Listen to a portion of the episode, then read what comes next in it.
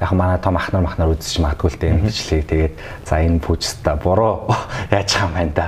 Буруу өсөж байгаа юм байна гэж бодчих магадгүй.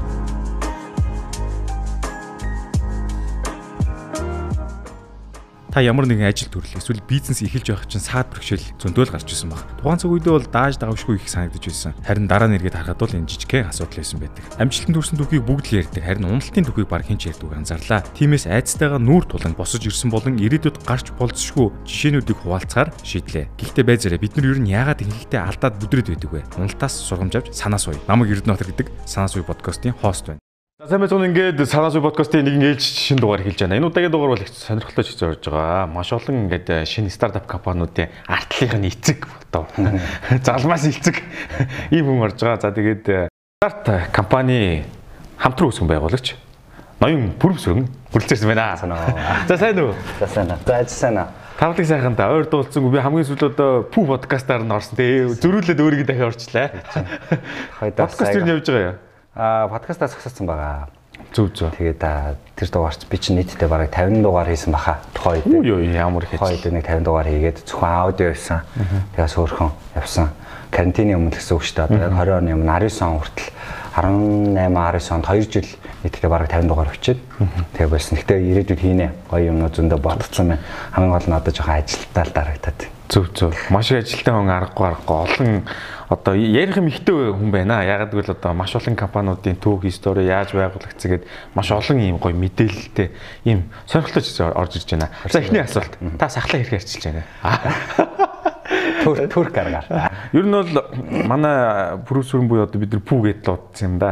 Сурчаад байгаа. Пүүм нь бол маш сайн гүйдэг, спортлог.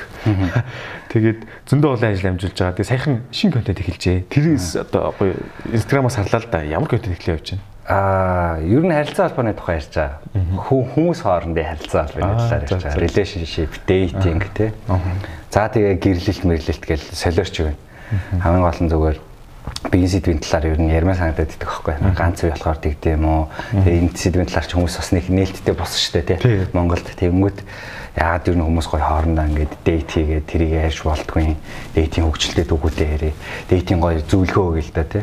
Тэгээ дейтинг гэдэг юм чи одоо Монголд ийм мөртлөө гадаад бол бүр дейтинг коуч гэж байдаг тий. Бидний нөгөө киногаар мэдхээр хин штэ. Хич лөө. Тий, доктор Хич. Доктор Хич те.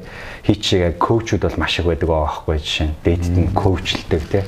Тэгэхээр угаасаа нэг ийм хэрэгцээ хүртэл дээр гарцсан байгаа байхгүй те. Тэгэхээр явандаа энэ сэдв бол бас нэлээд томрох байх гэж бодож байна. Тэгэхээр нэг ийм контент найзтайгаа хийж байгаа. Зүгээр entertainment талтай а яриа хийгээ суудаг. Гэхдээ ярианыхаа үндсэн үүрэгт нь юу өгөхийг хүсдэг вэ гэхээр бас энэ нийгэмд толгом одоо огшцсан ингээд ухшцсан те ухшцсан гэдэг үгийг өгдөг лээ. Бугссан. бугссан нэг муухай муухай одоо үзэл бодлуудыг авч яхахыг хичээдэг. За одоо жишээ нь хүн залууч олоодаа болчих туршлагатай болчих гэж хэлэх хэрэгтэй шүү дээ.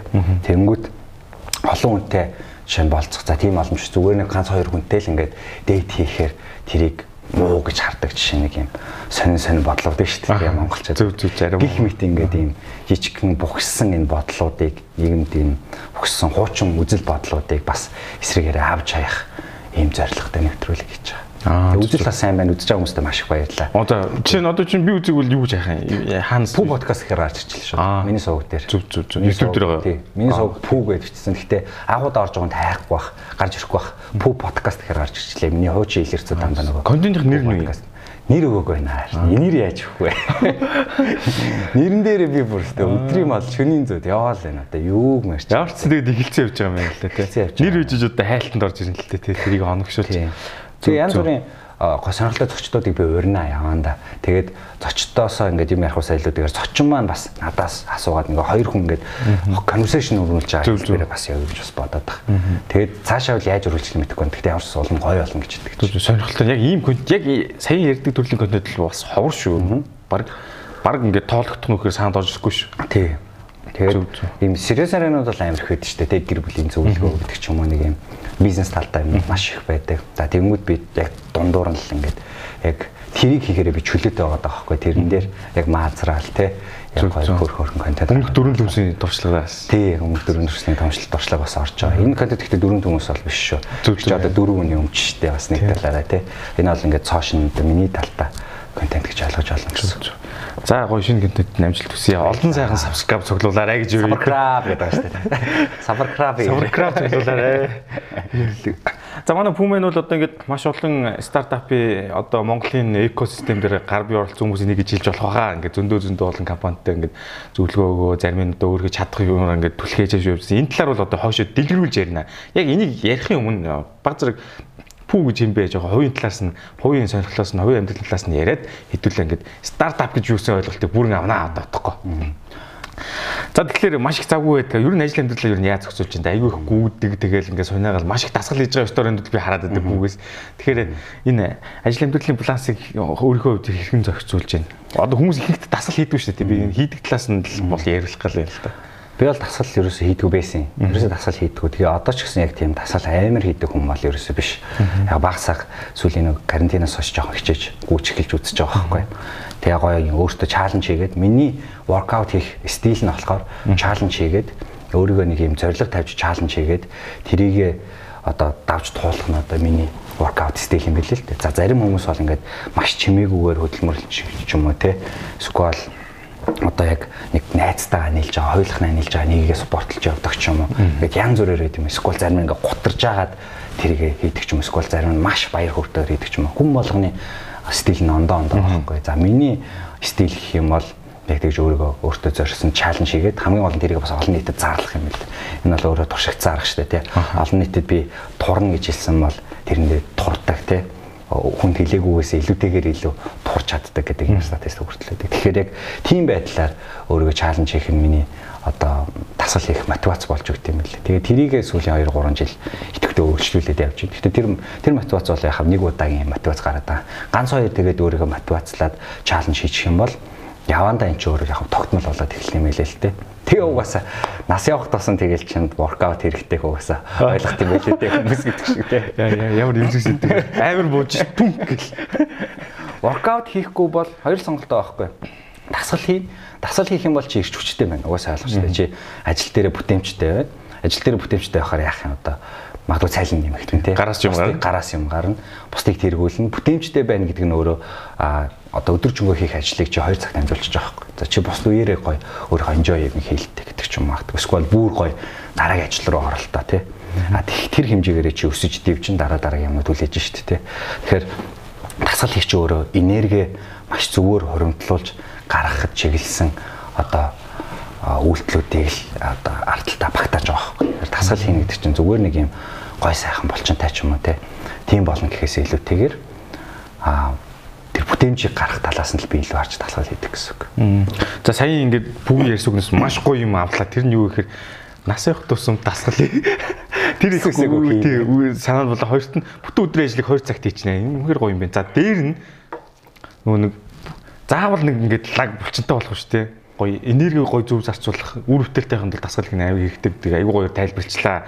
Бас миний хэлий гэж бодчихсан санааг гоё тайлбарчлаа. Ажил амьдрал яаж зохицуулдаг вэ гэдэг аюу бас хүн болгонд л толгонд асуудал шүү дээ. Тэгээ ажил гэж нэг юм байгаа даа, амьдрал гэж нэг юм байгаа даа. Нэг хоёр ингээд салангад байх хэрэгтэй ч юм шиг. Заавал салах хэрэгтэй. Чи гэртээ ажилласаа орж ирээд бүх зүйл ажиллаа мартаа чи гэрийн хүн байх хэрэгтэй. Тэр гэл маш олон гоё зөвлөгөөнүүд өгдөг. За миний хувьд болохоор миний ажил чи өөрөө миний амьдралын хэм маяг болцсон нэг юм давуу тал ч юм уу эсэргээрээ магадгүй би гэр бүлтэй болоод эхлэх юм бол энэ маань өөрөө сул тал болж магадгүй байх гэж бодож байна. Гэтэ одоогор бол энэ бол миний азтай юм том давуу тал байдаг. Би ажиллаа ерөөсөө одоо чи миний өөрийн л компани шүү дээ. Би нүгээрээ л одоо хоололж идэж байгаа. Энэ маань л намайг ирээдүйд авч явна. Тэгэхээр би өөрийнхөө юм ингээ хийгээ тодорхой хэмжээнд бас хувийн юм хийгээ явж байгаа болохоор нэг талаасаа би энэ бол ажил шүү, энэ бол миний амьдрал шүү гэж нөгөө зааг надад одоохондоо гараагүй. Би тэрийг одоохондоо хараагүй. Залуу болохоор ч тэгжиж тийм байж магадгүй бах гэж бодож байна. Илүү хүүхдтэй болоод техниктэй болоод эхлэхээр нөгөө гэр бүлтэй цаг зарцуулна энэ төргээд гарч иж магадгүй бах. За одоо бол надад илүү би яаж сайн амарх уу? Яг сайн гоё амарчаад яаж одоо эргээд ажиллаа маргаашийнхаа ажил төлсөн юм одоо гоё хийх үү гэдэг дээр илүү фокуслав явж байгаа хэрэг. Тэгэхээр энэ миний давуу тал байгаа даа. Тэгээд миний ажил амьдралын зам бол одоо яг нэг чигт байгаа болохоор аюу гоё байгаа гэж хэлж болно гэсэн үг. За ингээд бид бүхэн сая нөө пүгийнхээ ажил амьдралын планс тэ над чирэхтэй бид бүгд чирэхтэй гоё мэдээлэл авлаа. Дасгал хийхгүй бол ер нь эвгүй болно шүү. Дээр ноцоор шүү гэдгийг бол хэлчихлээ. За үргэлжлүүлээд ер нь яаж одоо одоогийн байгаа энэ старт компани байгуулж ажлыг гаргаа эхэлж энэ бол нэлээд олон жилийн өмнөөс байх гэж бодож. Миний битгий бүр Оком бокт нэлээд бүр бараг 10 хэдэн жил юм ч юм уу. Өчигдөр би IT парк дээр нэг арга хэмжээ хөтлсөн. За IT парк 211 гэ өрөө өгдөг хөхгүй. Тэгээ тэр өрөөнд ороод арга хэмжээ хөтлөөд тэгээд бодсон чинь яг тэр тайзан дээр би яг 10 жилийн дараа ахаа гарч байгаа хөхгүй. Аа за. Яг 10 жилийн өмнө би яг тэр тайзан дээр анхны пич хийжсэн байгаа хөхгүй. Яг тэр өдрөөс эхэлчихсэн хөхгүй. Яг IT паркийн 211 тооцод анх нэг юм хакатон болж исэн Монголын анхны стартап пик нэг хөтөлбөр болж исэн. Тэр хөтөлбөр дээр нь би нэг санаандгүй байдлаар ороод дундуур нь ороод хүнд юм өгөх гэж хүнтэй уулзах гэж ороод тэгээд би анх танилцчихсан байхгүй тэр хөтөлбөртэй мэдчихсэн байхгүй. А огохтой танилцсан бол огохч манай угаас багш байсан. Тэгээд тэр хөтөлбөр хөтөлбөрийг би тийшээ орол ингээл нүд нэгцэн гэж хэлж болно л та ер нь яг гадаад ч уамжтай ингээд тэр дотор ч хүмүүс санаа яриад нэг дэмжиж мэмжээл те. Нэгэндээ пич хийж хэл хийж мэгээл болж гисэн юм болж идэг хөрөнгө оруулалт маруулалт гэж мэгээл те.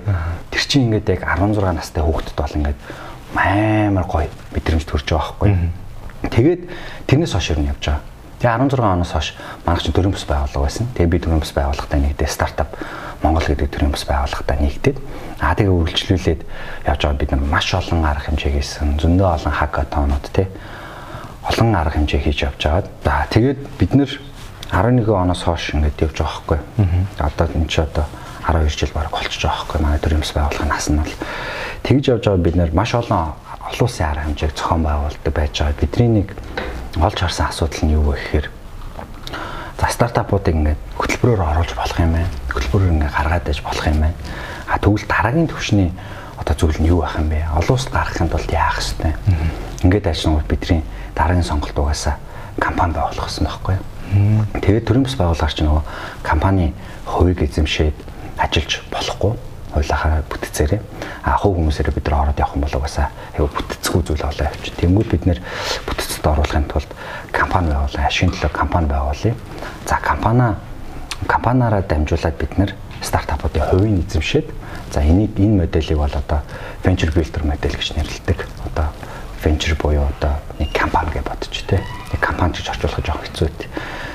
Компани бүтээгч байгууллага гэж ойлгож олж гэсэн. Гой нэрлэл тэ компаниг ингээд биүүлт хийдэг те бүтээдэг тоосго тоосгоор нь өрөөд бүтээдэг. За тэр дундаа бид нар бүр яг нэг стартапыг бүтээдэг, тоосго тоосгоор нь бүтээдэг ийм компани гэж ойлгож байна гэсэн. Тэгээд бид нарт юу байсан бэ гэхээр стартапын одоо асар том туршлага байсан. Knowledge буюу бид нар стартапын бүх terminology те бүх утга агуулга замнал хөрөнгө оруулалтын үе шат энэ болгоныг бид нар мэдчихсэн. Тэгээ маш олон стартапуудыг бид нар нүдэн дээр ч гэсэн үүсгээд хэрхэн тесэрч болтгийг бид нар харж ирсэн. Тэр мэдлэг ур чадвараа бид нар одоо яг хувь эзэмшиж байгаа стартапуудтай бүр private хэлбэрээр ашиглаж бодсон байхгүй суулгаж бодсон байхгүй. Зүгээр өмнө нь одоо бид нэр бизнес модель канвас гэж бүгд ярьдэн шүү дээ. Бид бүгд мэднэ. Энийг бид нэр энийг бизнес модель канвасыг ингэж бүгэлдээмэ гэж ярьдаг байсан бол одоо бид нөгөө компанийнхаа хувийг аваад эхлэхээр бизнес модель канвасыг хийхэд нь бид нар хамт оролцоо авчиж байгаа. Бид нар тэр хүмүүст ерөөсөө юм заахгүй гэсэн үг. Яг үл тэр чи одоо манай компани гэсэн үг. Бид нар хувь эзэмшиж байгаа, тодорхой хэмжээний хувь эзэмшиж байгаа, их вэ нэ бага вэ нэ хамаагүйгээр бидний зорилго тухайн компанийг өсөлт үзүүлж дараагийн түвшинд нь авчих байхгүй юу? Дэсрэлт үзүүлэх бизнес моделийн өсгөн ахлах. Тийм болохоор бид нар тэр бизнес моделийг заагаад авах хугацаа бид нарт нэгдүгээр тэнд байхгүй. Шууд бид нар гар бие оролцоод хамцуу шамлал ороо явж байгаа гэсэн. Тэгээ тийм модель рүү бид нар орсон. За тэгээд манай зарим хүмүүс маань төрийн бас байгууллага дээр одоо хүртэл ажиллаж байгаа төрийн бас байгууллага маш гоёор авч явж байгаа. Би ч гэсэн хаяа төрийн бас арга хэмжээнд очиод оролцдог. Арга хэмжээг нь хөтөлж өгдөг, ментор хийдэг. За хажууд нь манай компани одоо ингээ өсгөн байгуулсан. Би болохоор компани тал руугаа 100% ороод компани дээрээ бүх хүч чадлаа зарцуулаад ингээ явж компаниасаа өөрөө хуваа эзэмшээд ингээ байгаа гэсэн. Тэгээд энэ компани өсгөн байгуул ингээ явж байгаа. 19 онд манай компани өсгөн байгуулагдсан. Одоо 23 он тий сүүлийн 3 4 жилийн хугацаанд нийтдээ манайх одоо 12 компанитай гэсэн үг 12 аж ахуй нэгжтэй харьцаж байгаа 12 компани бид нар хувийн эзэмшиж байгаа. Тэгээ манай хаалттай хувьцаат компани байхгүй. Тэгээ бид нар хувьцаа эзэмшигч нартай тэр хувьцаа эзэмшигч нарт маань одоо манай хөрөнгө оруулагч гэсэн ганц хоёр одоо энэ жил хөрөнгө оруулагчид манад байгаа. Тэгээд бид нар тэр хөрөнгө оруулалтынхаа мөнгөөр одоо үйл ажиллагааныхаа зардлуудыг гаргаад тухайн өөрийнхөө портфолио компаниудыг хувь эзэмшигч компаниудаа бид нар портфолио гэж нэрлэдэг. Тэр компаниудаа бид нар дэмжиж а дотор нэг яг орж ажиллаад дараагийн төвшөнд нь гарах гэдэг ажил явуулдаг гэсэн. Тэгээд манай 12 компаниас одоо яг үндсэн 6 юм уу 7 компани яг фронтд те урд гарч ирээд зах зээлтэйгээ яг нүүр тулаад дараа дараагийн эдишнээ гаргаад бүр тэрний дараагийн төвшинч компаниуд бий болцсон явж байгаа. Ингээ ажиллаа явж байгаа. Ийм төвхтэй гэсэн. Тэгэхээр нийтдээ би одоо яг entrepreneurship startup гэдэг үгийг сонсоод 12 жил өнгөрсөн байна. А ер нь яг entrepreneurship-ийн салбар гэж ярил л та тийм. Энэ салбартаа бол яг хамгийн одоо хуучны хүмүүсийнхаа л нэг нь болчихж байгаа. А ямар стартап яаж сүүлийн 12 жилийн хугацаанд ямар стартапууд яаж гарч ирсэн энэс өрн оролт авсан нэгэд тэ нөгөө нүдэн дээрээ ах гэх нарыг харсан болохоор мэдээж тэр түүхүүдийг мэдж байгаа болохоор мэдээлэлтэй байна гэдэг чинь өөрөө бас тодорхой хэмжээний давуу тал шүү дээ тэ тэгээд бас ноу хаууудын судлаад үзээд өөрөө туршиж үзээ ингээ явахаар одоогийн нэг жижигхэн туршлагыг л хөрөмтлүүлээ авчиж байгаа юм л да. Зүг зүг. Аа тэгтээ бас нөгөө талаас нөгөө стартап гэдэг чинь өөр ингээд нэг авсан мэдлэгээр явдаг зүйл ерөөсөө биш байгаа байхгүй. Байнга өөрчлөлт. Байнга өөрчлөгдөж идэг тесрэлттэй ингэж явж идэг. Тэгэхээр тэр тесрэлтийг олохын тулд тэгэл бүх арга замыг хайн дандаа бүтээлч байх шаардлагатай болно. Нэг стартаптай нэг өдөр харьцсан тий дараагийн стартаптай маргааш харьцсан гэдэг ингээд багтгүй зарим 7 хоног бол ингээд 5 өөр өдөр 5 стартаптай өдөр болгон ингээд харьцан явцсан байдаг хөөхгүй. Тэгэхээр өдөр болгон нэг стартаптай харьцах хэмжээний энергийг одоо өөрөөсөө гаргах шаардлагатай ийм ажлын онцлогтой л гэсэн үг л дээ. Зүг зүг. Яалч маш их нөө ирчүүч харц ажил байна аа сонссон чинь 5 өдөр 5 стартап. Стартап гэдэг бол одоо одоо гарааны бизнестэй Монгол ирэх гоё очилсан байдаг. Энэ хүү гарааны бизнес эрхлэж байгаа хүмүүсийн баг бүхий л их өгшлийг одоо мэдж байгаа гэж хэлж болохоор байна. Баг одоо морь шиг шинжээд за энэ морь явах нь үгүй гэдэг юм чи одоо манай пүү шүү дээ. Тэгэхээр яг ингээд сүүлийн үед ингээд одоо бидний дүү ий гэж юм уу те айгуу гоё санаатай байна. Их гоё санаа гэдэг яриа явж чинь те. Тэгэхээр тийм гой санаатай магадгүй санаа суу подкастыг үзэж байгаа залуучууд ч гой санаатай хэрэгжүүлэхийг зарим нэг хүн далчгүй айхгүй гэж ярьдгүй ч юм уу те. Ийм гоо тэнгууд эднийг ингэж хөгжүүлэхийн тулд мань нөхдүүд одоо заавал нэг хүн дээр очиж ментор болох юм уу? Хөрөнгө оруулалтаа яаж тань анхан шатны бэсик ингээд мэдлүүд нь байхгүй шүү дээ. Эднийг одоо хаанаас яваад зүгээр бизнес болгохыг бол яаж хөтлөх юм зүгээр нэг жишээ дараалах юм бол тэ нүгэн санаатай бизнес хийгүүл тэ танд сансуулах нэг мэдээ энэ юу гэхээр та iPhone 14 Plus гар утастай боломж байна. Энэ юу гэхээр хэрвээ та Intel хэрэгж байх юм бол 9900 төгрөгөөр дасаа цэнэглэх бүрдээ ингээд дата авах боломж юм байна. iPhone 14 Plus гар утас дээр нэмэх энэ оныг дуустал ашиглах юм датаны бэлэг байгаамаа. Тэгэхээр та нэг зэнгэлтэй юусоо нэгжиж ав датагач ав гэсэн юм өрөөтэй. За ингээд манай подкаст хамтран ажиллаж байгаа Intel компанид баярлалаа. Хэрэглэгч та 9900 төгрөгөөр дансаа цэнэглээд нэгжээ ав, датагаа ав, бэлгээч ав. Нэг л цэнэглэл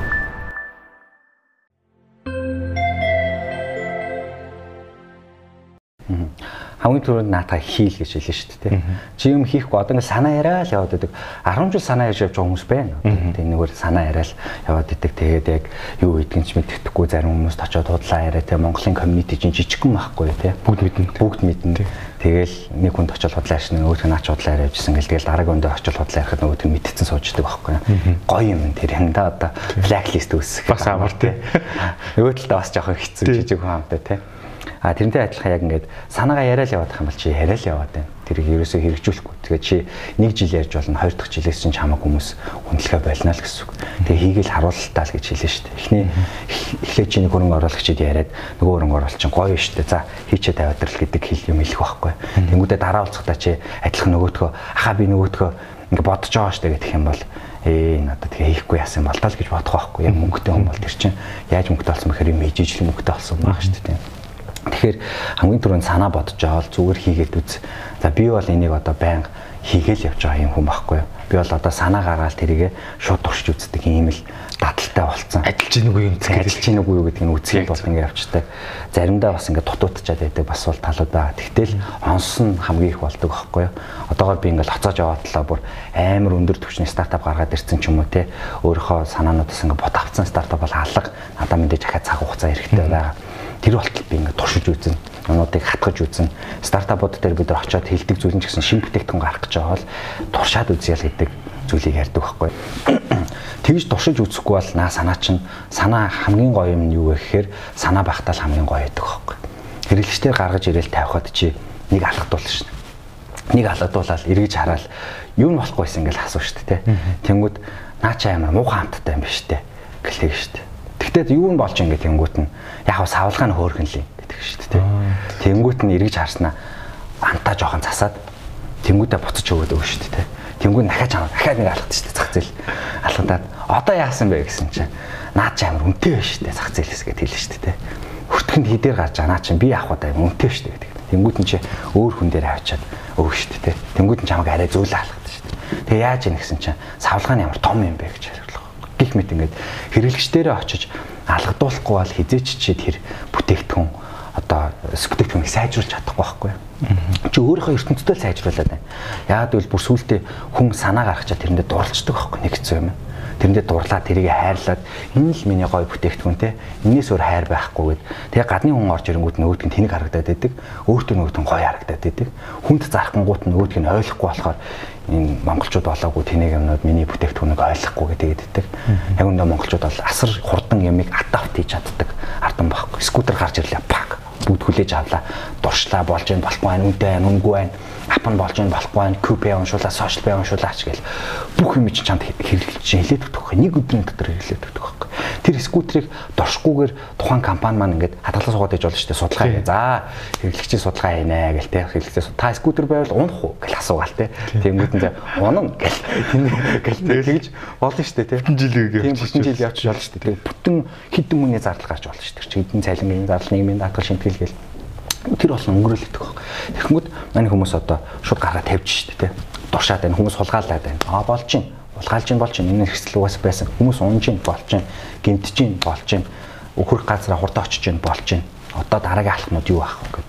Lean startup-ын тойрог явах хэрэгтэй. Тэгэхээр чинь санаа байгаа бол тэрийг хутлаа яриад байхгүй яриад яваад ахгүй хэрэгжүүлээд үз гэдэг. Мөнгө байхгүй гэх юм. Уус хүн бүхэн болгон л мөнгөгүй шүү дээ. Хүн болгон мөнгөтэйсэн бол бүгдээрээ гоё бизнесийг л амьдарч байгаа шүү дээ. Учир нь бол бизнесмен хүний entrepreneur хүн гэдэг хүний гол онцлог чинь юмгүйгээс юмыг босгож ирэх болохоос биш зүгээр инстаграмда би entrepreneur гэд бичдэг одоо гоё күүлэрдэг нэр биш байхгүй. Энд чинь өөрөө бүр амар том цол واخхой. Улсаар ярих юм бол бараг л дээр үеийн хамгийн алдартай цол гэх юм бол одоо юу гэдэг чинь алтан гац ч юм уу магадгүй те. 5 жилийн гавшаач энэ төр гэл гой гой цол байдаг шүү дээ тий. Тэр чинь цол хүчээрээ олж авдаг цол байхгүй тий. Ваа, за үнээр гайхамшигтай хэллээ. За сая ярианаас одоо айгуу гоё юм блэ. Зүгээр санаа явал шотлий. Тийм зүйлийг мэдж авлаа. Тэгээд одоо хизээч хэрэглэгчтэй зах зээлдээ алгадуулахгүйгээр тэр бизнес боссон түүх гэж байхгүй. Хадгалаа явуулж болох уу те. Саяын хамгийн гоё point нь бол хүн санаандаа дурлцдаг гэж энэ бүр үнэхээр гоё одоо бүр тийм кино үүдэн шүү дээ. Нэр нь марчиж нөгөө Look TV дээр байдаг стартап ахын эхэлж байгаа цагур үндийн залуучууд амар гоо програм хийдэг. Тэгэл програм үнэхээр гоё ингээл тэгэл хүн найзуудаа явуулсан гэж өөрхий. Тэгэж найзууд нэг адилхан програмчдаг. Үнэхээр гоё ингээ. Тэгэд шал өөр хүнд үзсэн чи энэ юу энийг хинч хэрэглэхгүй user interface болохгүй л тэг унж байгаа байхгүй. Тэрэн шиг та бүхэн санаа юу шууд хэрэгжүүлээрээ сая ингээд пүүгийн ярьсан зүйл үнэхээр гоё юм. Яг ингээд хэрэгжүү санаадаа дурладаг те Үгүйс мөнгөдөн гэж байхгүй шүү дээ. Тэр үнэхээр гоё. Тэр дундаас гарч ирсэн бол бидсэн хүн гэдгийг л дахин дахин хэллээ. Маш гоё яриа болж байна. Айгуу гоё таалагдлаа. Энийг тэгээд саатан хүмүүс мань хэрэгжүүлээсэ гэсэн үднээс яг бүгөө өөрсөн тэр зорилгыг хүрээд маш гоё ярьлаа. За дараагийнх болохоор одоо One Sunset podcast бол ерөнхийдөө ингээд жоохон уналт ярьдаг. Яаж унсантэй тэндээс уналтаа санаа аваад дээш дахиж гараа.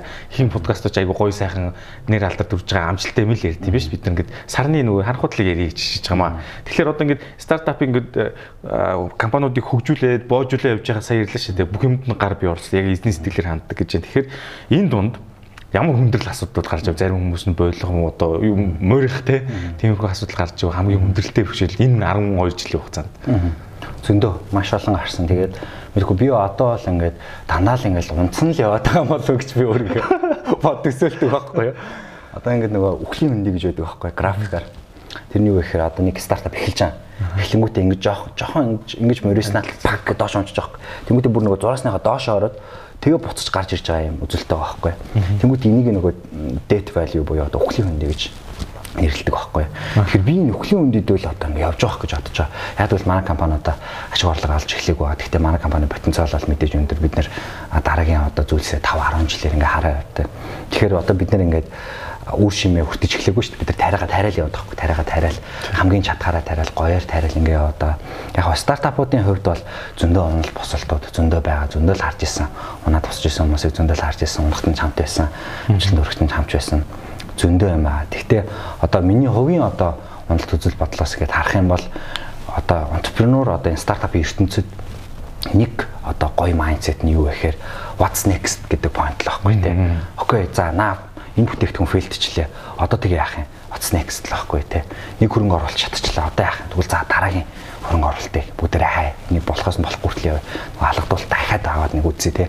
Нөгөөдөө туршлаа. Бүтлгүүтлээ дараагийн юм юу ах юм гэдэг би нэг бүх деталь болон одоо том ажил жижиг том ажил гэлтгүү бүх зүйл дээр л миний одоо майндсет яг л тэгж ханддаг болсон. Би одоо дараагийн зүйл нь юу вэ гэж л баг хардаг болсон. Зарим зүйлсээ баг энэ бүтлгүүд нь тэгээ дараагийнх нь юу байх юм бол та гэж баг төрүүлж хардаг ч юм уу те нэг тэгж баг л тийм майндсеттэйгээр урагшлах нь одоо нэгдүгээрт илүү амар, хоёрдугаарт илүү хурдан гэж хэлж болно гэсэн. Нууц гэж асуугаад байдаг шүү дээ. Амжилтанд хүрэх нууц юм бэ? Нууц юм бэ гэж асуугаад байдаг. Миний бодлоор амжилтанд хүрэх нууц бол тэгэл хамгийн хурднаараа фейлдээд дараагийн алхмал олж харах нь бол хамгийн том нууц юм болоо гэж бодоод шүү. Тэгэхээр ийм майндсеттэйгээр сүүлийн үед ажиллаж байна. Тэгээ би би яг үнийг хэлэхэд яг энэ асуултанд хариулж бол мэдэхгүй. Би бол амар унж бол мэдэхгүй, үзээг бах магадгүй. Нийс бүр амар уналт байж магадгүй. Би одоо ингээл нормал нийл явж байгаа.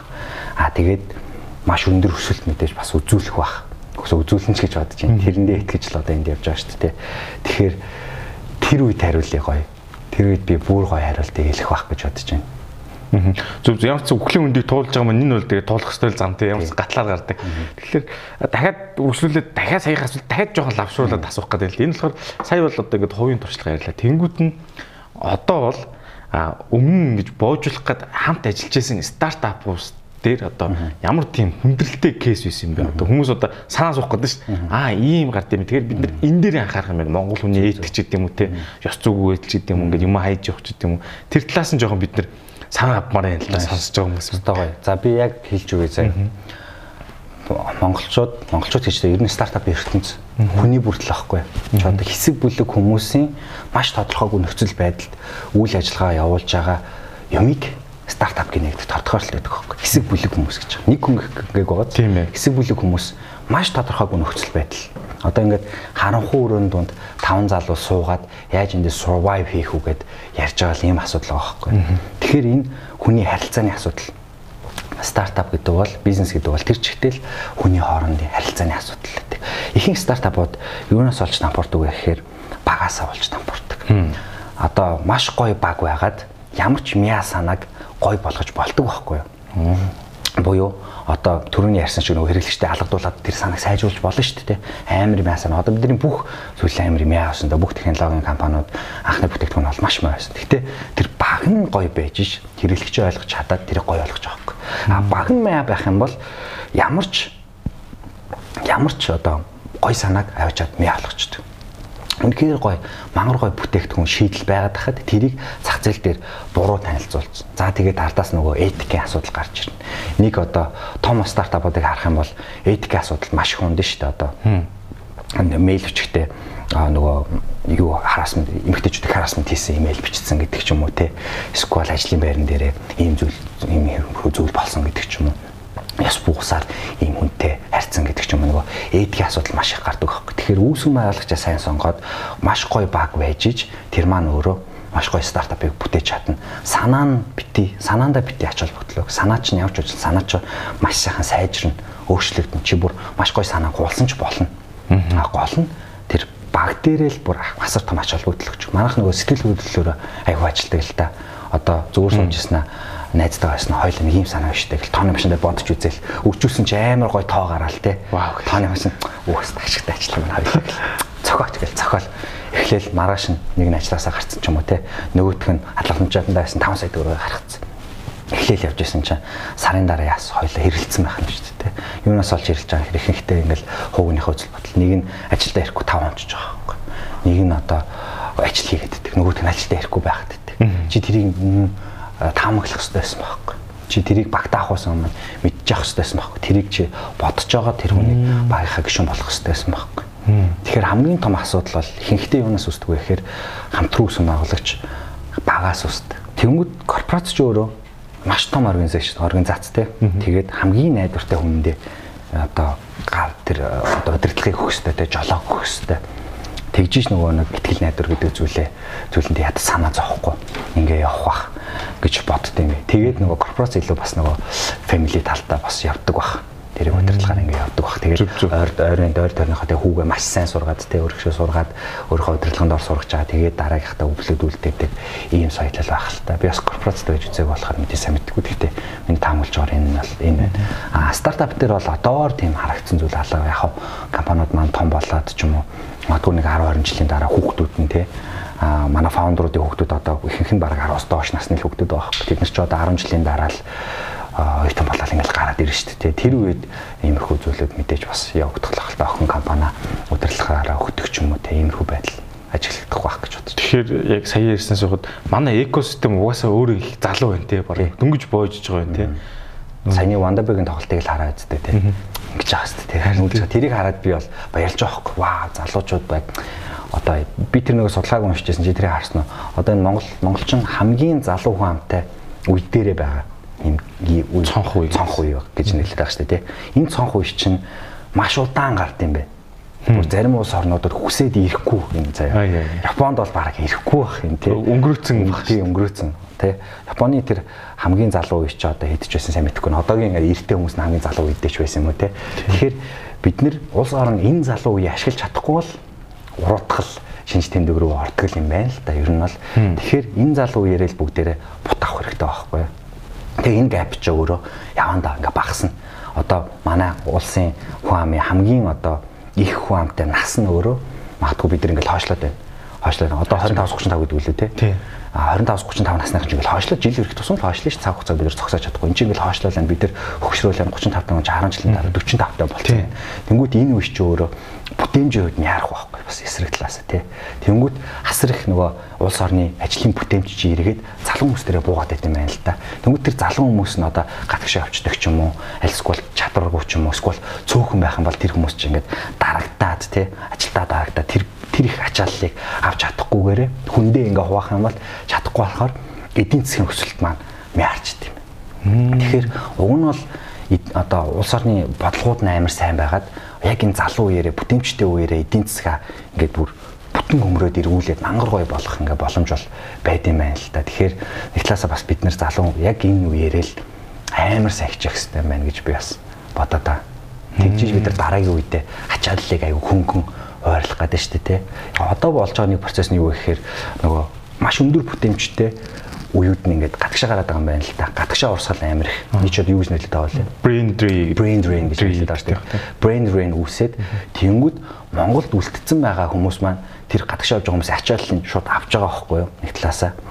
Шууд аваад тэнгүүд энэ хүмүүс маань одоо зарим нь одоо жилийн өмнө нэг ажил хийдэг гэсэн бол жилийн дараа хоёр ажил зүгээр би зүгээр харах ухаанаараа л яж ш хоёр ажил хийдэг. За тэгээд нөгөө хоёулангийн хийх чадвар нь одоо жоохон саар нь штэ тийм. Тэгээд бүтээмж нь багасна. Тэгээд тэр хүн стресстэй тийм үү. Тэгээд ингээд юм а стресстэй хүн чи яг ууртай бол. Тэгмээ нийгэм өөрөө ууртай болж эхэлж байна гэдэг ч юм нэг ийм чадваргүй одоо чадваргүй чадваргүй гэж хэлээгүй шүү уучлаа буруу ашиглачлаа. Юм арай сураагүй байгаа залуу үе маань ажил дээр гарч ирэнгүүт нь шууд тэр ачааллыг хүлээж авах бэлэн биш байна тий. Тэнгүүд бас ингээл ахаал адилхан стресс нэхэ тэр хүнийг сурах гэж бас айгүйх цаг орно гэл. Ингэнгүүт нөгөө нэг ажлын байран дээрх юм жоохон асуудлууд маш их гарч байгаа юм байл л дээ Монголд. Энэ тэгээ хүний нөөцтэй холбогдно. Хүний нөөцтэй ингээ холбогдоод явна. Тэгэхээр байгууллагууд нэг байгаа хүнээ одоо алт шиг хайрлал нөгөө хайрлуулж байгаа хүн ч гэсэн нөгөө удирдлаач гэсэн алт шиг хайрлал тий. Тэгэж явж одоо энэ үеийг давхгүй бол бид нар бас жоохон уруудах байх л гэж би дотроо бодсон. За сая сүүлийн үг л их гой point байна. Хоёр тал аль аль нэг алт шиг хайрлах хэрэгтэй байна. Ойлгож авлаа. Нөгөө талаасаа бас нөгөө ажил одоо ажилтан нь өөрөө хит ингээд зэхэд ах юм бол тэр чи одоо буруу хүмүүж ч юм уу тийм зүйл болно шүү дээ тий. Шүтээд ах юм бол гараад чи бас яг л адилхан компанид орно шүү дээ тий. Тэгэл ахаал чи тийм байгаад ах юм бол чи эзэн сайжрахгүй шүү дээ. Нэг компанид удаан байгаад үнцэн бүтээн гэдэг чи өөр амьдралын амар гой том туршлага байхгүй тий. Ажил гэдэг чи өөрөө бас амьдралын нэг хэсэг шүү дээ тий. Ажлаас гадна амьдрал нь амьдрал ажлаа амьдралаасаа буцаж ажил руугаа орж ирээд ингээд on and off товч бидэрт байхгүй шүү дээ. Чи өдөр болон амьд тутамд амьдарч байгаа. Тэр болгон дээрээ чи гоё аж заргалтай байх хэрэгтэй байгаа даа. Тэгмүү чи ажил дээрээ ч гэсэн happy байгаа. Тэр компани гоё үнцэнтэй болох чинь чиний амьдралын гоё нэг хэсгийн туршлага байхгүй тий. Тэгэхээр бүр амар муухай токсо буруу компани биш бол гоё хамт зүтгэл та гэдэг ухаах маш гоё поинтыг хэллээ. Тэгээд энийг одоо баг титэм үг болгоод оруулахмаар гой гой юмнууд орж ирж байна. Яг бол би өөрөө бас ингээд тодорхой хэмжээнд байгууллагуудад хүн амтай ажиллаж болохоор ингээд аюу ууж бууж юм л надаа. А тэгэхээр залуучууд маань ч гэсэн бас ингээд стартапа одоо юу гэдэг те саяын ихний үйлдвэр хэлжсэн ихний яриан дээр те гэсэн хийгээд үз. Тэгээ дараа дараагийн шатыг туулаа, плүүндгээ туулаа гэдэг те. Тэгэхээр хийгээд үзээр би бас нэг point хэлчихв. Нөгөө хийгээд үзэхээр нөгөө төгс баягаар бүтээгдэхүүн гарах гэдэг том алтай байдаг. Бэлтээлэдэг. Бэлтээлэдэг төгс бүтээгдэхүүн гарах гэдэг. Аа тэрний оронд одоо түрэн скутерийн жишээг аавал та бид нар те би скутерийнхнаас мөнгө авахгүй шүү. Хамгийн ойрын жишээ тийм. Хамгийн ойрын жишээ байгаа болохоор олон нийтэд нэг бүтээгдэхүүн гаргаад тэр нь ингээ бүүн болж байгаа кейс болохоор ярьж байгаа шүү. Тэр скутерийг одоо 3000 скутер оруулж ирэх юм нь яаж тэрийг одоо би турш гэлч тэр хүнд анх чи скутер оруулж ирэх гэж байгаа юм. Тэгвэл наадах дуршаач хийгээд үзээч гэлч чаа. Тэнгүү тэр хүн яаж хийж үзэх хэвээр вэ гэхээр өөрөө нэг хүнээс нэг скутерийг хамгийн хэм зардлаар түрээслээд 10 скутер түрээслээд тэнгүүтээ талбай дээр тавьчих.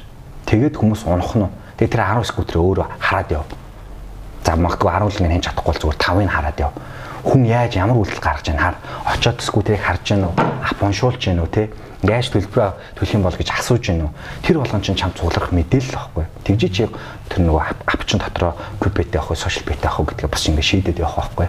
Тэгэхээр турш гэж байгаа нь чи 30000-ыг шууд харанхуугаар за пүүжээ турш гэсэн гээл те 30000 скутер бүх мөнгөө шахаал оруулж ирээл 50 биш ганц хоёр скутер оруулж ирээд тэрийгэ туршиж үз гэдэг хэлээд байгаа. Тэжиж чи дараагийн 30000 оруулж өрөх үгүйгээ битнэ гэсэн үг шүү. Тэгээ хамгийн дөрөв нөгөө дөрөвний хэрэгжтэй алгадуулж үз гэдгийг хэлэх гээд байгаа юм л та. 3000 дээр алгадуулах биш чиглээ 3-ыг оруулж ирээд алгадуулчих. Тэгээ дараагийн скутер чинь ногоон байх уу цэнхэр байх уу гэдгийг шийдгээд байгаа хөөх. Мм яг зүг зүг зүг. Хамгийн энгийн байдлаар minimum viable product гэж ярьдэн шүү дээ, тий. Prototype, prototype гэж ярьдаг. Тэгэхээр тэрийгэ хийгээд үзүүлээд хэлгээд байгаа. Дизайн тим хичээл дэрийг ордог тий. Би бас дизайн тим хичээлийг нэг танаж гомроо суужсэн. Окон авчрал нэг нэг Harvard-ийн дизайн скул багш тий. Багш ирж байгаа нэлээд ярьжсэн. Тэр гоё. Тэгэхээр э, сая нөө дизайн прототип руу халтраад орчдөг нь сая ингээд турш гисэн шүү дээ. Тэрнтэй адилхан ингээд юм хийх гэж байгаа бол яг тэр таван алхам байгаа шүү дээ тий.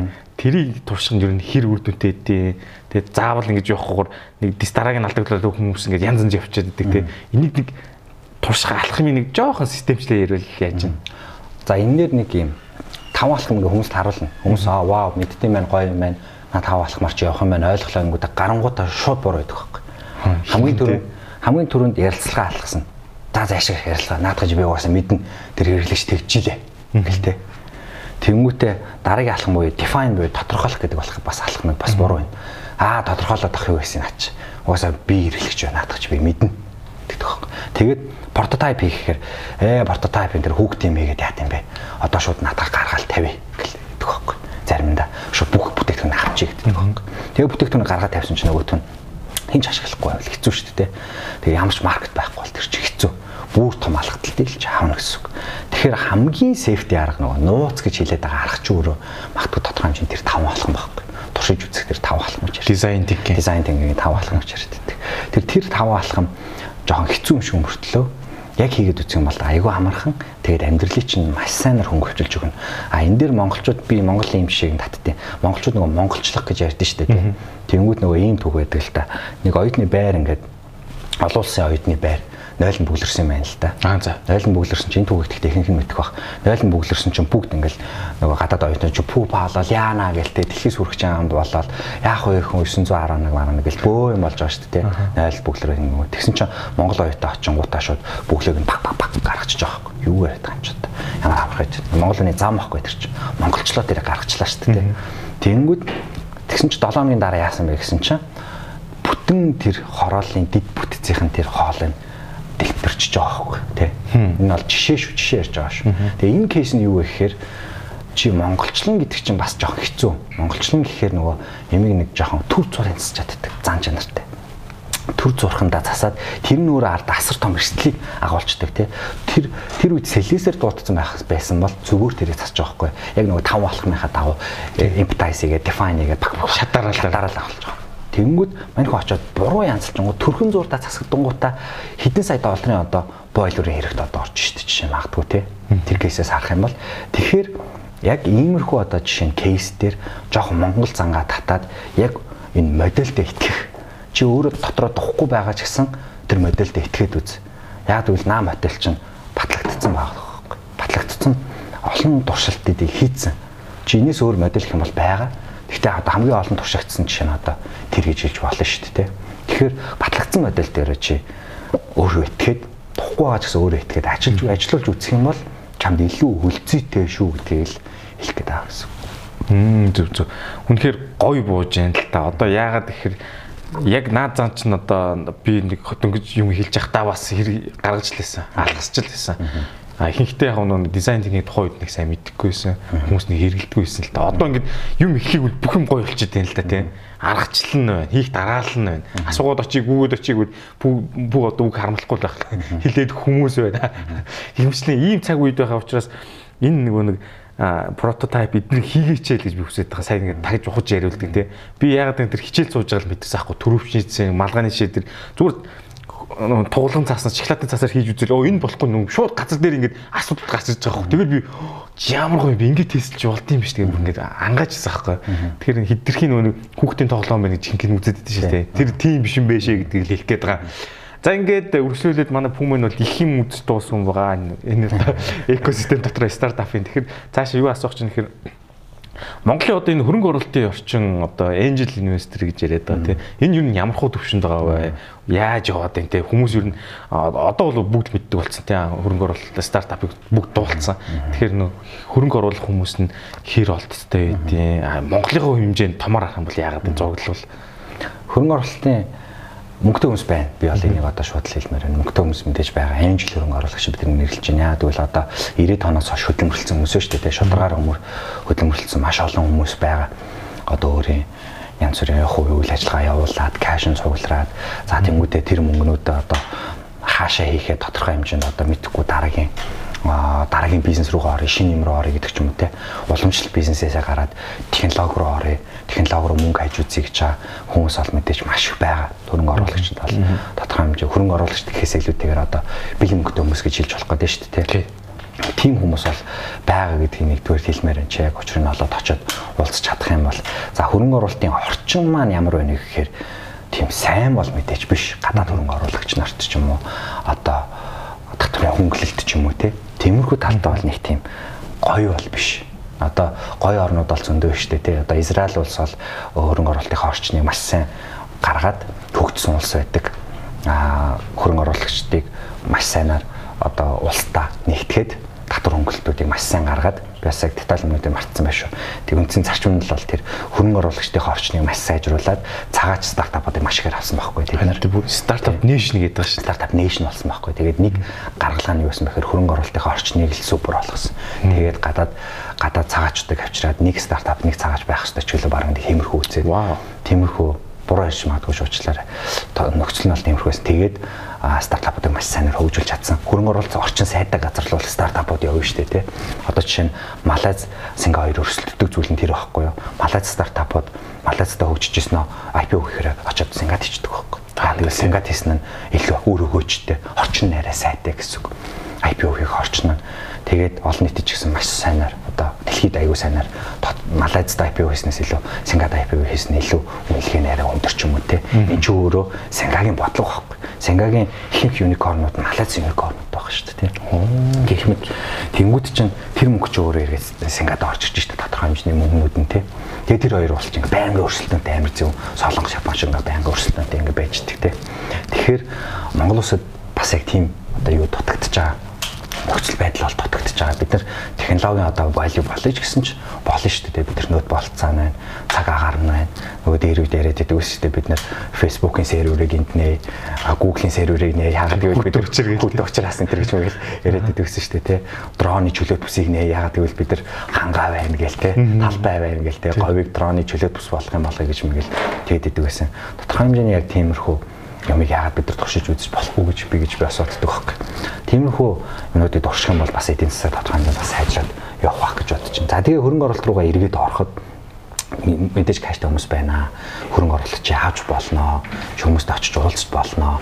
Гэхдээ чи хамгийн гол нь хөрөнгө оруулагчтай уулзахдаа юуг анхаарах хэрэгтэй вэ гэхээр үнэхээр одоо миний хийж байгаа бүтээгдэхүүн үн цэнэ хэрэглэгчид өгөөд зах зээл дээр гараад бутаавч чадах уу гэдгийг нотлох хэрэгтэй байхгүй хөрөнгө оруулалт гэдэг чинь өөрөө юм аа ингэсэн л үг штэ. Товчоор ярих юм бол завгүй хүн байна те.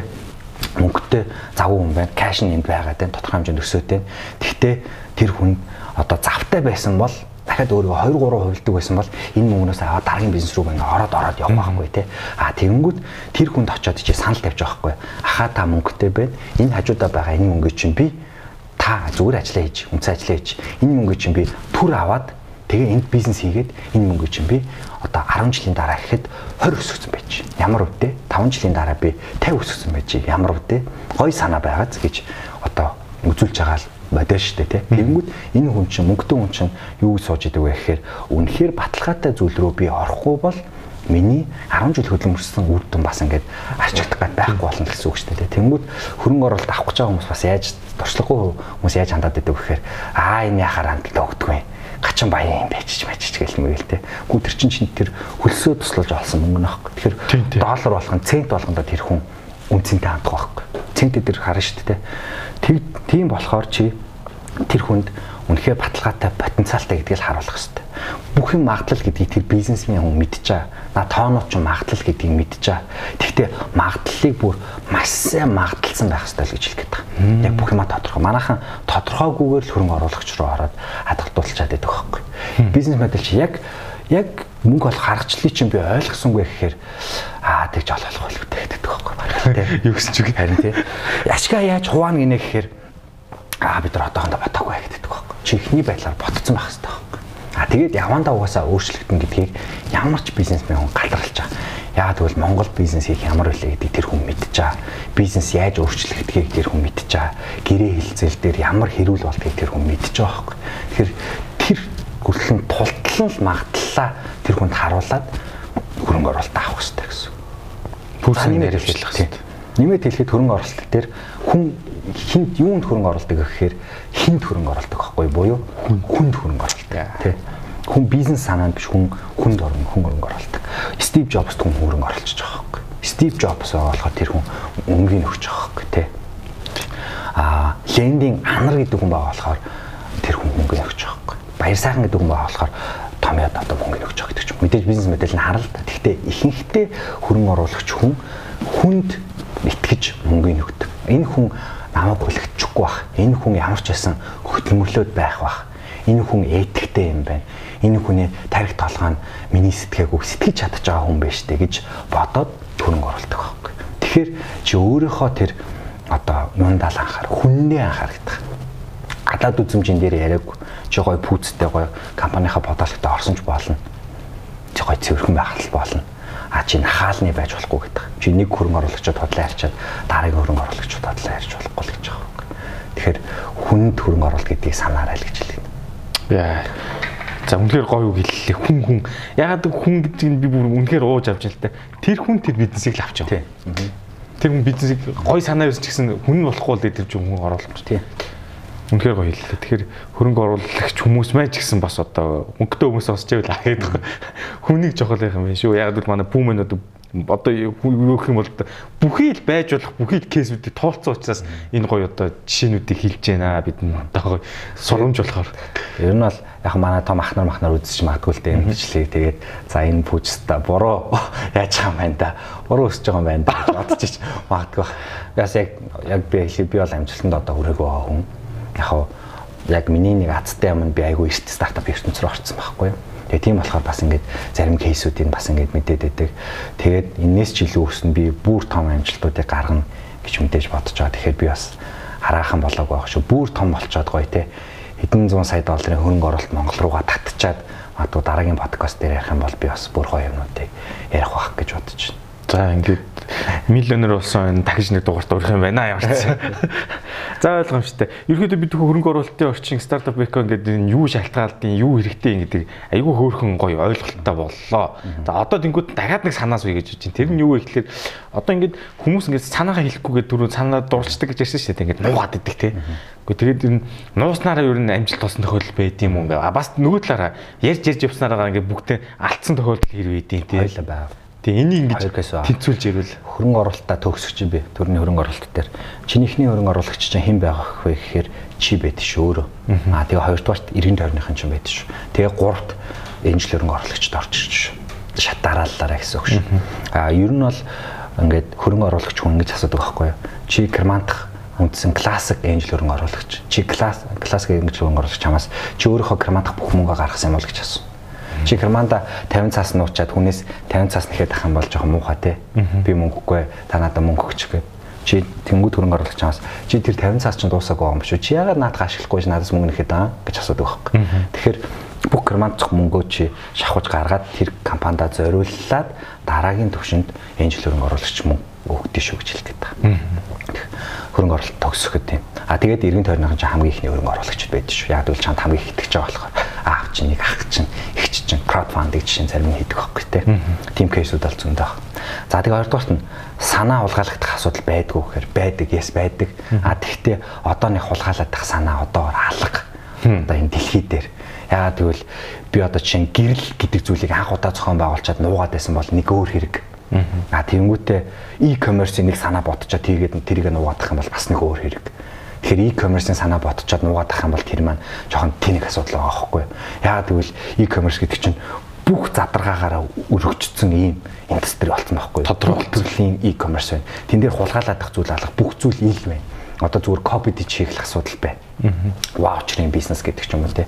Тэнгүүт чи бүр ингээд цоошин гэрлийг хийгээгүй бол санаагаа хүнд ярьж байгаа. Санаагаа хүнд ярьж явснараа надад бүр анх огох ингэж зурчихсан. Санаагаа хүнд ярьж явснараа тэр чин чиний санаа болж байгаа байхгүй гэж хэлж байгаа. Чи санаагаа Монголд бол ялангуяа тийм шүү. Санаагаа пүүжээ ингээл надад нэг гоё Монгол микрофоны санаа байгаа шүү. Тэгэл би 10 хүнд ярихад тэр 10 хүн Монгол микрофон хин яриад байлаа. Өө пүүжигийн санаа шүү гэдэг байхгүй. Тэгээ би тэрийг bijүүлээд эхлэх юм бол өө пүүжэ нөгөө Монгол микрофон хийгээд байгаа штэ. Микрофоны нөгөө гаднах борлооны Монгол эсхийгээр цаачин хоньны ноосоор хийгээд байгаа штэ. Пүүжэд холбогдооч гэж ярьдаг байхгүй. Хинч тэрнээс бол аа пүүжэгээ Монгол ноосны санааг болгоалаа. Галс Монгол ноосны санаа хийцгээе гэж дайрдаг байхгүй. Монголд яг бодит амьдрал дээр гэсэн үг шүү. Зүг зүг. Ялангуяа. Тэгэхээр бүр маш том наач юм нууц зэрэглэлтэй те ийм л одоо ийм санаа биш бол энгийн санаа бол наадха чадах чинээгээр олон хүнд очиж пич хийхээр тэгжиж наа чин тар чиний санаа болох дархлаа чин чамд бүрдэж байгаа гэсэн үг шүү. Яг ингээ ярихаар би нэг санаа ингээд нэг хүнд ярьсан чинь тэр хулгаалаа тэр корпорац дээр очиж яриад тэр корпорац хэрэгжүүлсэн штэ гэж яриад байдаг байхгүй. А тэгтээ яг үнэ хэлэхэд наа санаа чинь тэр хүнээс илүү өөр хүн тэнцэндөл ярьцсан явчихдаг байхгүй. Давхарцал давхарцсан явчихдаг байхгүй. Яг одоо чиний толгоонд бодож байгаа санааг энэ Монголд бүр хэдэн зуун хүн л ботцсон явж байгаа. Захаа ботцсон л явж байгаа. Хин хожих вэ гэхээр төрүүлж хийсэн л хожиж байгаа байхгүй зах зээл дээр. Зах зээл чинь тийм л хандуу. Эдийн засаг чинь тийм л шудрах шүү дээ. Төрүүлж юм хийсэн нь л тэрэн дээр хожиж байгаа гэсэн үг байхгүй. Тэгэхээр санаа хулгайлан гэж бити одоо бод. Яг бол бид нар иргэн тойрох бүх юмнууд шийдэлтэй болцсон байна. Чи дугуй ахиж хийх гэдэг шаардлага байхгүй. Санаа ботцсон бол чи тэрийг ярих хэвээр хүмүүстэй яриад ярьж яв олон нийтэд бүр сайн ярьж яв. Мэдээж ярих шаардлагатай бол. Тэгтээ гол нь бас нөгөө хийчээд ярил зүгээр шүү гэдгийг хэлмээр. Хоос битээ яриа. Нэг жоохон үзэгдэлтэй болчиход яриа гэл. Хоосон жил ярьж явж байгаа тэр санааг чи хүн гулгаалцсан байвал одоо яах вэ тэгээд. Чи хит гомдлоод ямар нэмэр тий. Чи хийгээгүй дээ тэрийг тий. Эдийн засгийн тэр дээ. Чи тэр санаан дээр патент энэ авах бол одоо яах вэ тийм дээ. Бүтэн чи жил ярьж авсан шүү дээ наадах. Энэ нэг нэг хүн тэрийг гаргах л байсан шүү дээ угаас. Дараагийн санааг дээр гаргах л байсан шүү дээ. Тэгэхээр ерөөсө хөдлөх хурд байх нэ. Скутер эзэнийн цагт орж ирэх л байсан шүү дээ. Одоо скутер оруулж ир би анх оруулж ирэх байсан. Скутер миний санаа байсан шүү дээ яриа явж байгаа юм. Утгагүй болчихж байгаа тийм. Тийм гэсэн. Зүг зүг.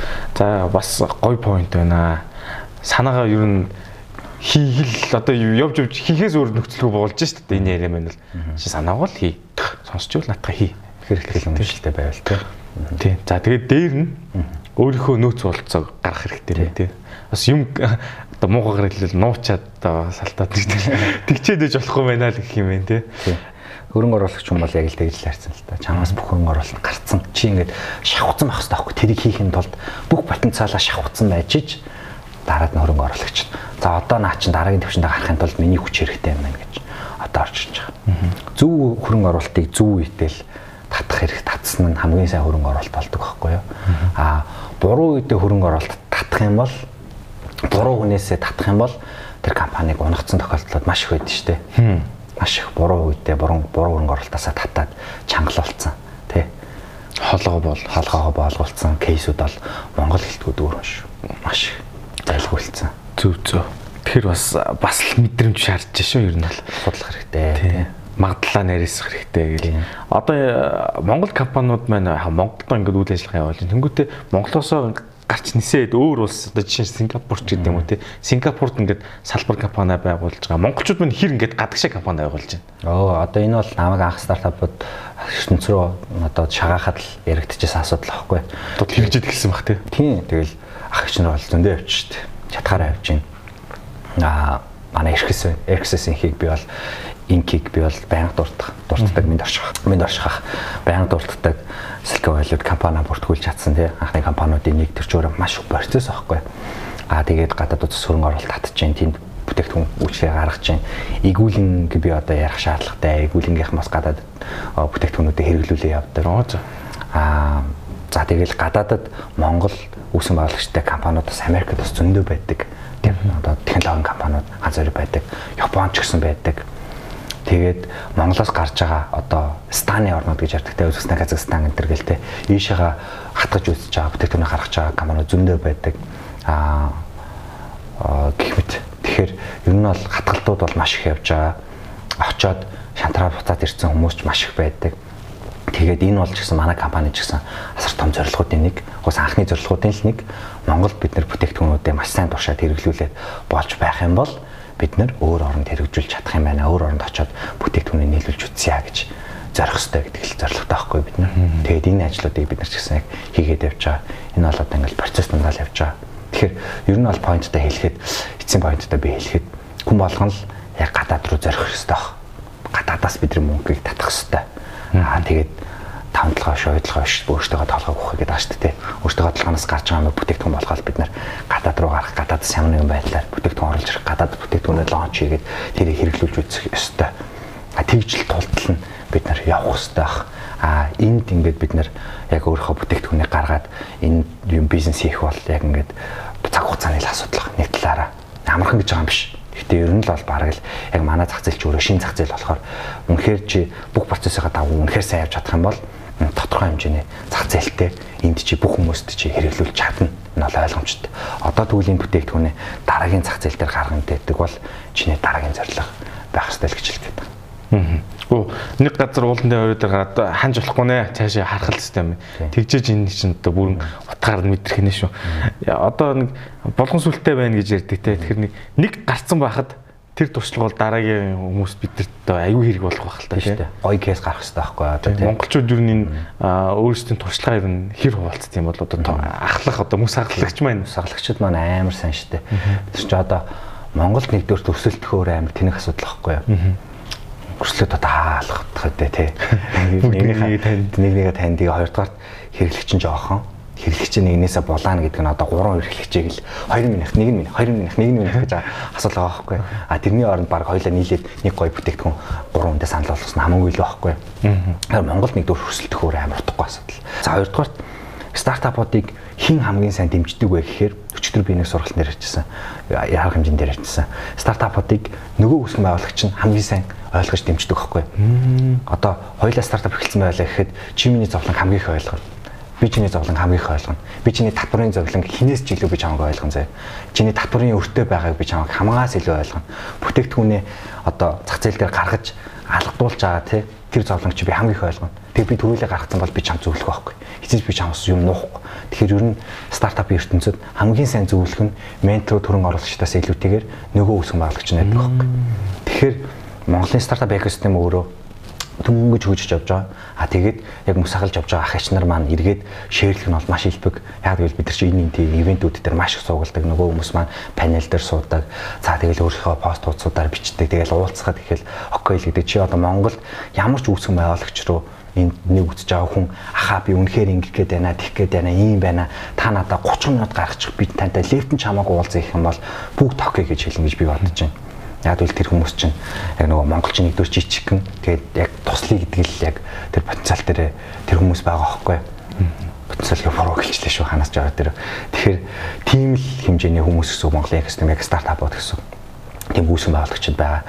Тэгэхээр тэгж одоо явж байгаа туршлага хаваалцж явж байгаа. Тэгэл очиж үзээл алдаж оноол ингэ явж байгаа хүмүүс ч гэсэн зөндөө байгаа.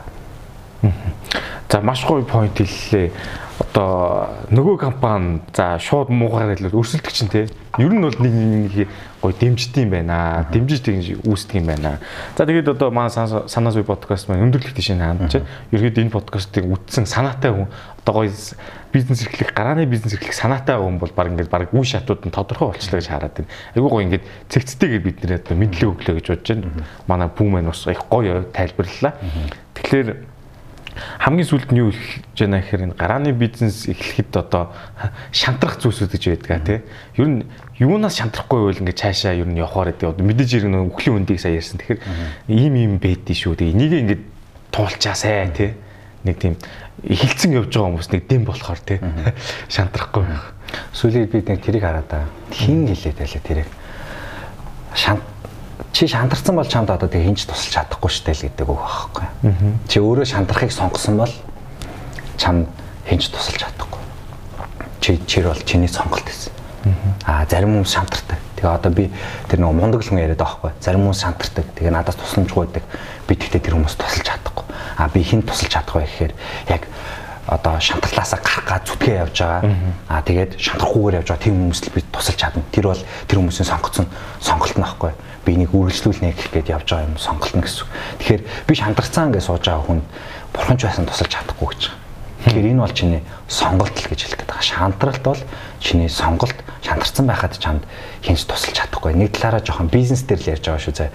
Жоохон хатуу юм шиг мөртлөө нөгөө талаасаа бас нөгөө бизнес дээр амар үнэн байхгүй Тэгэхээр би шантарцсан бизнес хийхгүйгээ сууж ах сууж ах юм бол одоо тэгэл одоо яах вэ? Наач одоо тэгэл яг л ардчлал эдийн засаг чи ийм л үүд шүү дээ. Түрүүн хэлсэн шиг үнэхээр бүх хүмүүс гой байдаг вэ? Бизнес хийгээ гой байдаг байсан бол манай дэлхий ном ногоо амар гоё л явах байсан баг те. Бүх хүмүүс амар баян сэтгэлэнтэй амар гоё л явах байсан баг. Гэтэ эн чи өөрөө эдийн засгийн одоо нийгэм гэдэг чи өөрөө юу яадаг вэ гэхээр арчлын арчсан эдийн засаг чи яадаг вэ гэхээр өөрөө хүн сонголттой байхгүй хэрэглэгч гэдэг хүн чинь хэрэглэгч гэдэг хүн надад сонголт байна. Би энийг авч болно, энийг авч болно гэдэг надад сонголт байна.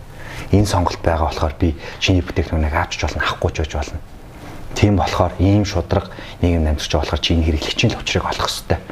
Тэрнээс бол одоо тийм амар шантраад ах, бусдаар бол шантраад ах зүйл нь бол бусдаар бол гайгүй гэж ярьдаг те. Тэгэхээр шантарсан үнд юу н хэлэхэд одоо бити шантраар гэж одоо хайш энэ бол амар утгагүй утгагүй зөвлөгөөнүүдийн нэг те жоохон би энэ подкаст дээр би жоохон хатуугаар альчи. Чи шантраад ингээд шантраад байгаа бол чамд хинч тусалж чадахгүй.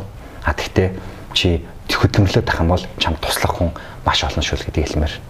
Тэгээд стартапын экосистем чи өөрөө маш жижигхэн а энэ хүрээл нэгэндээ маш сайн тусалж чаддаг. Шинээр гарч ирж байгаа стартапуудаа маш сайн дэмжиж чаддаг. Одоо юу болчиход байна гэхээр хамтарч байгаа байгууллагууд маань эдийн засгийн хөвч гэсэн баг илүү ажилладаг байгаа байхгүй юу? хамтарч байгаа нэгнийхээ хэрэглэгчийг одоо бүтэн хоёр компани нийлээд нэг пакэж гаргаж өгöd байгаа юм. Цаг бүртгэлийн пакэжтайгаа хамт CRM системийг одоо касны CRM систем хамт багцлж нэг компани болж явж байгаа шүү дээ. Тэгэхгүй нэг нь ингэж болж штэ. А эднийх CRM систем хийгээд байгаа нь манайх цаг бүртгэлийн ап дээрээ CRM хамт ичи гэдээ дайрч болно шүү дээ тий. Эн чинь өөрөө хүний нөөцийн асар том зардал ахаад эдэн жил зарцуулна, ахаад хэрэглэгчээ ойлгоно тий. Тэрний он чи маш гой бүтээгдэхүүнэл нэг хүнтэй очиод мэржиж болж шít хамтрал та тий. Хэрэглэгчтэй одоо нэг хэрэглэгчийг маш гоё болгоод байгаа хөөхгүй тий гэх мэт одоо манай цочил жишээ нь папа гэдэг хүргэлттэй альцж байгаа хөөхгүй. Цочил хүргэлт хийж болно шүү дээ өөртөө. Тэгтээ ямар шаардлага байхгүй тэн дээр өрсөлдөг. Тийм болохоор ингээ хамтарч эхэлж байгаа. Тэгэхээр хэлгч ам ийм гоё community чамаа хүлээж байгаа шүү. Чи юм хийгээд ах юм бол энэ community-д би сүүлийн 12 жилийн хугацаанд байна нөгөө ах нарын хэлдгээр нэг муудаад байсан зүйл алга энэ дээр энэ байсан энд байснараа харин ч олон өсөж хөгжиж чинь чамайг хүлээж авах хүмүүс маш их байгаа. Өчигдрийн ивент дээр ч гэсэн одоо ингээл маш олон тэмцээн оролдоонууд болдог. Чамайг дэмжих маш олон төслүүд байна. Аа сургах маш олон сургалтын байгууллагууд байгаа. Чин community-р юм би хийгээд шатаад явж байгаа бол энэ community руу ороод ир. Битээ ганцаараа гөрөөндөө ойлаа суугаад гараад ир. Үнэхээр л яг бүр ийм өвчин зовлон ч юм уу тийм тохиолдоогүй яг бизнесийн жоохон шантрал байгаа бол өрөөнөөсөө гараад ивентүүд дээр очиод тах. Тэгээ хүмүүстэй ширлээд нэр утсаа өгöd дахаа би ингэж байгаа юм ийм хийж байгаа юм тийм хийж байгаа юм танахыг өгдөг вэ би ингэдэж шүүгээ уулзаад тах. Тэгээд 6 сар чи энэ community-д байхад ингээд явхад би хамаагүй илүү үр дүн харуул харна гэж найдаж байна.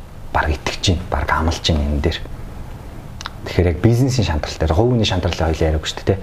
Бизнесийн шантрал дээр ялангуяа ингэжил зөвлөмөр нь хамгийн одоо прагматик гэх юм уу те хамгийн бодит зөвлөгөө гэх юм бол энэ энэ энэ зүйлийг л би зөвлөх юм байна. Зөв зөв.